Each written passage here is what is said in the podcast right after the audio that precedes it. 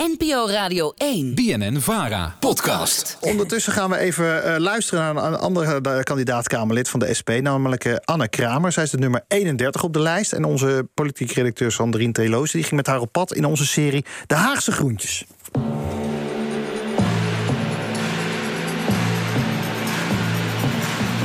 Haagse Groentjes. Ik denk dat mijn vrienden het altijd wel hebben geweten hoor. Dat ik uh, geïnteresseerd was in politiek. Mijn vrienden zijn ook best wel politiek geëngageerd. Wel in het begin iets andere partijen dan ik. Maar volgens mij gaan ze deze keer wel bestemmen. Heb je ze overtuigd? En volgens mij wel. ze zijn aan het uh, radicaliseren, zoals ze zelf zeggen. Anne Kramer is met haar 25 jaar een van de jongste nieuwkomers op de lijst van de SP. Ze studeert politicologie in Leiden. Uh, ja, het is een beetje een bunker. Ik loop hier al jaren. Waar alle sociale wetenschappen zitten. Je staat op de lijst uh, voor de SP. Waarom? Ik moet zeggen dat dat een beetje komt omdat mijn lokale afdeling me heeft gepusht uh, om te solliciteren voor de lijst. Het was zo van, Anne, ga het nou gewoon doen. Hè? Je, je komt er waarschijnlijk wel op. En ik had zelfs iets van, hè, ben ik niet iets, iets te jong nog? Hè? Ik heb altijd wel het een keer willen doen, maar uh, nooit gedaan. Uh, want ik dacht, ik ben te jong, dat komt nog wel. We gaan naar het station. Waar gaan we heen? We gaan naar Alphen aan de Rijn. Daar ben ik geboren en getogen. Dat is dichtbij hier? Het is uh, heel erg dichtbij. En we gaan naar mijn, naar mijn pa, naar mijn vader. Naar zijn bedrijf, toch? Naar zijn bedrijf, ja. Het is een soort van op een industrieterrein. Uh, en mijn vader zit op de bovenste verdieping, mijn moeder op de onderste. We zijn allebei uh, eigen ondernemers. En mijn moeder heeft een yogastudio. En mijn vader, ja, die, die werkt met, ja, met voedsel, met eten. Dat verkoopt hij aan supermarkten. Nou, heel goed. Maar, gaan we de trein halen. Ja.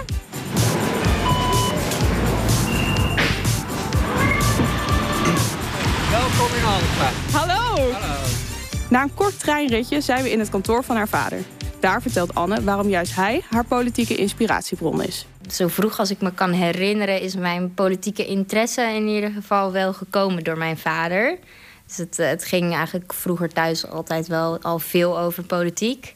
Um, en kijk, mijn interesse is natuurlijk in de loop der jaren gegroeid. Maar het is al zeker begonnen bij mijn vader. Kijk, wij zijn, uh, het heeft eigenlijk, zijn we eigenlijk allemaal thuis uh, gewoon heel maatschappelijk betrokken. En hoe ging dat dan thuis? Was het uh, discussies aan de keukentafel? Ja. Inderdaad, we praten heel veel over politiek, heel veel discussies. Vaak zijn we het wel eens hoor. Um... Ja, want dat is natuurlijk ook. Zijn de kinderen het allemaal eens? Nee. Nee. nee. Nou, Anne en ik zijn het over het algemeen wel eens. Okay, okay. En als ik het niet eens ben met Anne, is ze altijd zeer teleurgesteld. Uh, maar uh, nee, wij hebben verschillende stromingen in huis. Laat ik het zo zeggen. Maar dat is goed voor de discussie. Ik denk dat dat goed voor een discussie is, ja. Er was wel een moment dat ik me echt kon uh, realiseren dat politiek er heel erg toe deed. En ook mijn, mijn vader raakte, wat ik ongeveer de beste persoon van de wereld uh, vind. En dat was de financiële crisis. Dat is ook de eerste keer dat ik jou heb zien huilen, als ik dat mag zeggen. Ja, dat mag niet. Dames en heren, goedenavond. De wereldwijde kredietcrisis heeft ook de Nederlandse banken een flinke duit gekost. Het was uh, weer een zware dag voor de internationale beurs. In Amsterdam eindigde de AEX vandaag opnieuw in mineur. Ons geld wordt de komende jaren fors minder waard.